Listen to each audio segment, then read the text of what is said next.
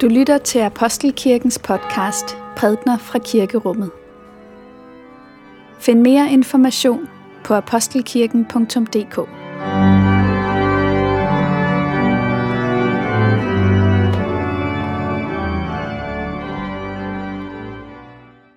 God morgen alle sammen. Velmødt til gudstjeneste i Apostelkirke Regi, men altså her i Eliaskirken.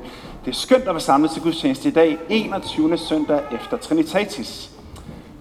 Ansigter, der er her, som er kørt langvejs fra, fordi i dag der skal vi fejre dåb. Endda to dåb. Om lidt vil Sonja og Levi bæres op igennem midtergangen, og de skal altså døbes her senere ved gudstjenesten. Senere skal vi lytte til en tekst fra Johannes evangeliet. En tekst, hvor i vi skal høre om en far, som er vældig forpint og fortvivlet. Hans søn ligger for død. Dette hellige evangelium skriver evangelisten Johannes. Lad os takke for Guds ord. For Guds ord i skriften, for Guds ord i blandt os, for Guds ord inden i os, takker vi dig Gud. Jesus kom nu atter til Kana i Galilea, hvor han havde gjort vand til vin. Der var en kongelig embedsmand, hvis søn lå syg i Kapernaum. Da han hørte, at Jesus var kommet fra Judæa til Galilea, tog han hen til ham og bad ham om at komme med derhen, med derned og helbrede hans søn, for han lå for døden. Da sagde Jesus til ham, Hvis I ikke får tegner under at se, tror I ikke. Den kongelige embedsmand svarede, Herre, kom med derned, før mit barn dør. Jesus sagde til ham, Gå hjem, din søn lever. Manden troede Jesus på hans ord og gik, og allerede mens han var på vej hjem, kom hans tjenere ham i møde og fortalte, at hans dreng var i live. Han spurgte dem så ud om, i hvilken time han havde fået det bedre, og de svarede, i går ved den syvende time forlod feberen ham. Der forstod faderen, at det var sket i netop den time, da Jesus havde sagt, din søn lever. Og han og hele hans husstand kom til tro. Amen. Lad os sammen bede. Herre, lad dit ord blive til liv for vores tro. I faderens og søndens og helligåndens navn. Amen. Her for et par uger siden, der var der en bemærkelsesværdig rumekspedition, som fandt sted i USA i Texas ørken. Fire personer blev skudt op i vejret til en masse bevågenhed fra alverdens medier. Og det spektakulære ved den her rumekspedition, det var ikke så meget selve rumrejsen. Det var en ekspedition, der varede lige godt 11 minutter, og de rejsende blev kun ført cirka 100 km op over jordens overflade. Så det var altså ikke nogen kompliceret rumoperation som sådan. Nej, det der fik verden til at åbne øjnene op, det var den ene af deltagerne i den her rumekspedition. William Shatner, en kanadisk skuespiller på 90 år, som altså stod over for at skulle blive den ældste, der nogensinde havde været i rummet. Flyvningen den var som sagt hurtigt overstået, de var kun lige kommet op, og snart de stod de nede på jorden igen. Men så kunne man se ham træde ud af rumfartøjet der, og man kunne se, at den her aldrende mand, som havde set og oplevet nok så meget her i verden, han var tydeligt bevæget over det, han havde set. Og kort tid efter, der blev han interviewet, mens han altså står med tårer i øjnene og er ved at fordøje det, han har været vidne til. Og så siger han, når vi kigger op, så ser vi den her skønne, underfulde velvind over os, himlen. Den er overalt, hvor vi kigger op, og vi tænker, at det er alt, vi har over hovedet. Men, fortsætter han, når man bliver skudt igennem det hele, så går det op for en, hvor uhyre øh, tynd himlen i virkeligheden er. Den er som et blåt, varmt tæppe, der med et rives væk for os, og derude på den anden side, der står man og stiger ind i den tomme intethed. The big black ugliness, som han kaldte det. Det er et grusomt syn. Og så spørger han til sidst, er det sådan døden ser ud, derude i det tomme intet? Det gjorde indtryk at se den her 90-årige være så bevæget over det, han har været ude for. Og nogle af jer vil vide, at der er lidt den finurlige detalje ved det, at William Shatner han har været med i den her science fiction serie Star Trek, som kørte for små 50 år siden, hvor han altså var kaptajn på det her rumskib, som turede rundt i galakserne og var på eventyr. Så han har altså været i rummet i fantasiens verden. Han har forholdt sig til rummet på tankeplan, men nu var det pludselig blevet alvor. Den, det mørke, han har stiftet bekendtskab med, det er ikke en kulisse. Han har fornemmet den tomhed, den livløshed, det bærer på.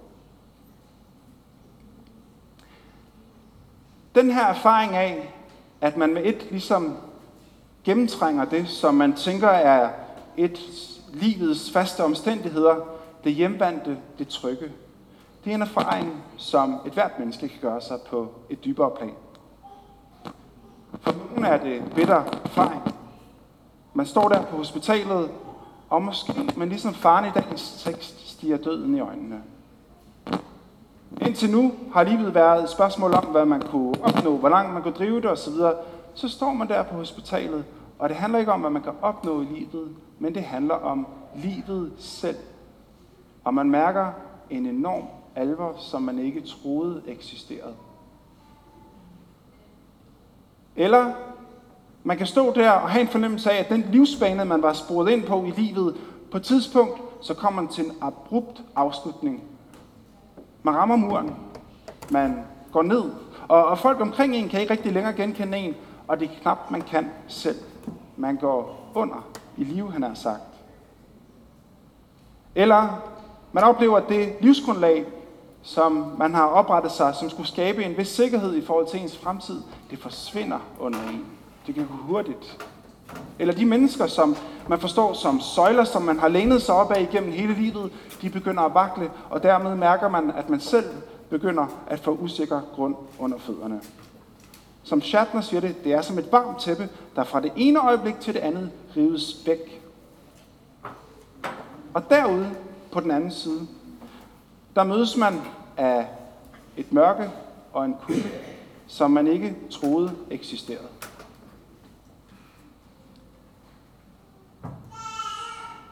Vi har læst om en far i dagens tekst, som kommer til Jesus, fordi at hans liv netop er blevet revet op. Det er blevet flænset op.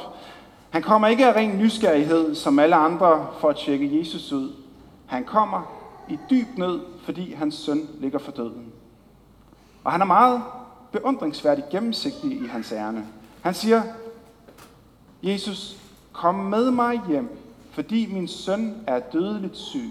Jeg beder dig, kom med. Og jeg tænker, at man stå der og kigge ned i den store afgrund og se det mørke, mørke sænke sig omkring ham. Han mærker også, at det er ligesom det arsenal, han har af muligheder, det er ikke noget værd. Det kan godt være, at han er kongelig embedsmand, og han således har fået delegeret en magt at råde over, men hans titel kommer ikke til at hjælpe ham i den her situation. Han har ikke nogen kontakter, som han kan bruge. Han har ikke nogen tråde, han kan trække i. Han kan ikke betale sig ud af det her han kan ikke gældsætte sig for at finde en behandling til sin søn.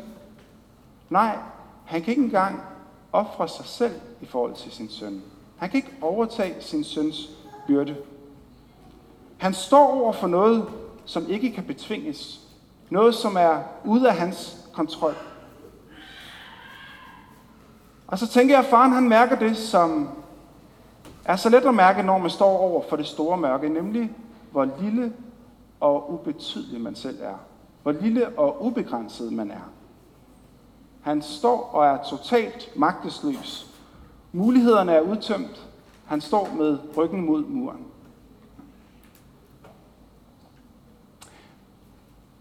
Jeg husker, at jeg for nogle tid siden snakkede med en mand, som i en ung alder havde oplevet at miste sin bror. Og som vi stod der og snakkede om det, så overvejede han betydningen af bønden her, ikke min vilje ske, men din. Og han sagde, når man hører den bøn, så kan man næsten få det indtryk, at, at man på en måde giver afkald på sin egen indflydelse og tillader en anden en at få indflydelse. At der er en form for en kompetenceoverdragelse, som finder sted, som man altså villigt giver fra sig.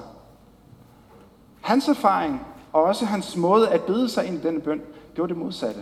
Egentlig, at det er erfaringen af, at man netop ikke har nogen magt. Man har ingen indflydelse. Han står der og erfarer, at den påvirkningskraft, de muskler, han har at spille med, de hjælper ikke noget.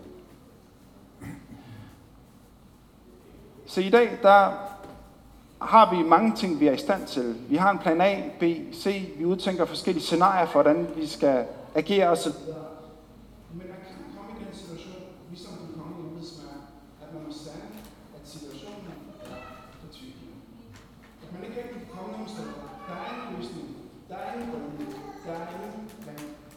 Man er magtesløs. Og det er derude, helt derude på magtesløshedens yderste trappetrin, at viser sig en udvej. Der hvor han på en måde bliver fortabt og erkende alle de grænsninger, som han har ramt af. Lige der netop får han rakt en hjælpende hånd. Tak.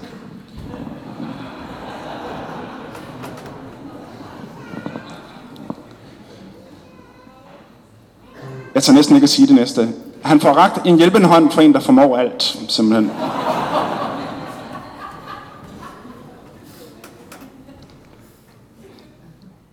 Er denne hjælpende hånd, som er dagens, den hjælpende hånd i evangelieteksten. Det er den hjælpende hånd, som er dagens evangelium. At han derude på spidsen mærker, at der er en, som kommer ham til undsætning. Kristus har magt. Kristus er herre over liv og død. Og det mørke, den grusomme intethed, som altså ligger lige der bag vores små glæder og gøremål her i livet, og ligger og lurer, og som er snart langt nærmere, end vi tror.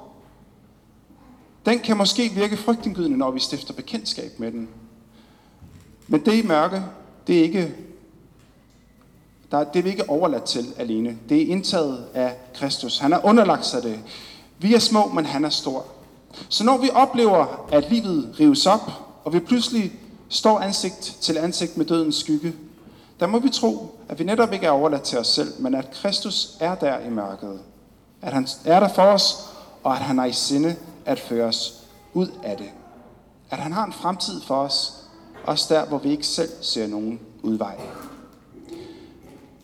Det er det her mægtige vidnesbyrd, som dagens tekst løfter frem for os. Det er det, som dåben også tager sit udgangspunkt i, at Sonja og Levi i dag er blevet løftet op af dødens vande, løftet op med Kristus til et liv med og i Kristus. De er hans ejendom, hvad end der kommer til at ske med livet. De tilhører ham, og han har ikke i sinde at slippe dem. Hvad så, kunne man spørge, hvis man ikke gør sig den erfaring, som faren gør i dagens tekst her? Han bliver jo i en forstand bekræftet i sin tro. Sønnen står der rask. Han er et lyslevende eksempel på, at Jesus havde ret. Men hvad nu, hvis man oplever, at underet lader vente på sig? At det aldrig rigtig indtræffer? Hvis man føler, at man venter forgæves? Hvis der aldrig rigtig viser sig en udvej?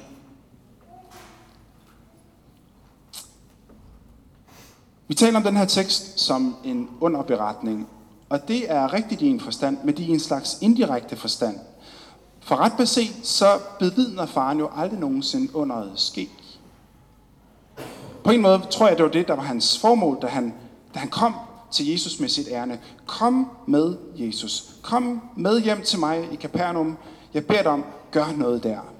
Men strengt taget, så får den kongelige embedsmand jo ikke det, han spørger efter. Jesus pakker ikke sagerne og tager med ham hjem. Han får blot et ord at gå på. Gå hjem, din søn lever. Ikke andet end det. Ingen garantier, ingen beviser, ingen forvisninger om, at Jesus han taler sandt. Blot dette udsagn om, at din søn er rask. Og så begiver han sig afsted hjemad. Og den her gåtur hjem, den får vi ikke beskrevet nærmere. Vi ved ikke præcis, hvad der passerer gennem embedsmandens hoved. Men det er en slags trosvandring, han i virkeligheden begiver sig ud på. Og i den forstand også alle os med ham, der blot har fået et ord at gå på, uden at have nogen garantier for, hvad der kommer til at ske. Vi er nogen, som sikkert ikke ville kunne pege på punkter tilbage i vores liv, hvor vi siger, det her det er uden for enhver tvivl Guds store indgriben i vores liv. Den gave, hvis man kan sige det, og man har meget været taknemmelig for det, men det er ikke enhver kristen beskår, en beskåren at kunne sige dette. Nej, der er vi snarere som den kongelige embedsmand, der må gå i tro. I tro på, at hans ord til os, hvor bart og hvor nøgent dette ord end måtte være, at det er sandt. Og på den måde så er vi i virkeligheden spændt ud mellem, på den ene side kan man sige, et løfte, og på den anden side erfaringen af, at dette løfte går i opfyldelse. Og der er en vis afstand mellem de her to. Der er den gåtur, der skal til fra, at løftet siges til, at man ser det gå i opfyldelse. Det er afstanden mellem Kana og Capernaum, som faren går ud på. Den gåtur er tro selve trosvandringen. Og afstanden mellem Kana og Capernaum er egentlig ikke særlig lang. Ikke i geografisk forstand. Men det kan den være i en dybere forstand. Måske man en dag får den glæde at kunne kigge tilbage på ens liv, og der, i det her tilbageblik, der får øje på, at Gud var en nærmere, end hvad man lige gik og troede. Faren gik fra Kana til Capernaum. Da han finder sin søn rask, hvad sker der så? Ja, så går han jo i gang med at, at etablere en tidslinje. Og det er først, da han har etableret den her tidslinje, at han kan se, at det var Jesus, som greb ind. Det er i tilbageblikket, han gør sig denne erfaring. Det siger noget om, at vi ikke altid har fuld indsigt i, hvad der sker i vores liv. Livet må som bekendt forstås baglæns, men leves forlæns. At tage del i embedsmandens trosforandring rummer dette at stille sig åben for, at Kristus råder og virker i vores liv, også på måder, som vi ikke nødvendigvis selv formår at erfare her og nu. Måske en skønne dag vil det åbenbares for os. Og så tror jeg også, man må sige, at der er mennesker, for hvem rejsen mellem Kana og Kapernaum her bliver en slags livsrejse. For hvem troen udelukkende bliver dette at gå på løfterne, det nøgne ord, og at holde fast i det, selv om det nogle gange er med det yderste af neglene. Det siger sig selv, at vejen der kan være lang, rigtig lang endda. Hold ud, siger Jesus. Hold ud.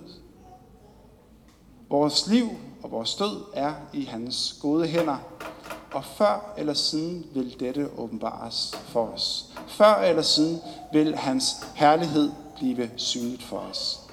Han har magt, og han har vej alle steder. Først som sidst. Lov og tak og evig ære være dig, vor Gud, Far, Søn og Helligånd. Du som var, er og bliver en sand treenig Gud, højlået fra første begyndelse, nu og i al evighed. Amen.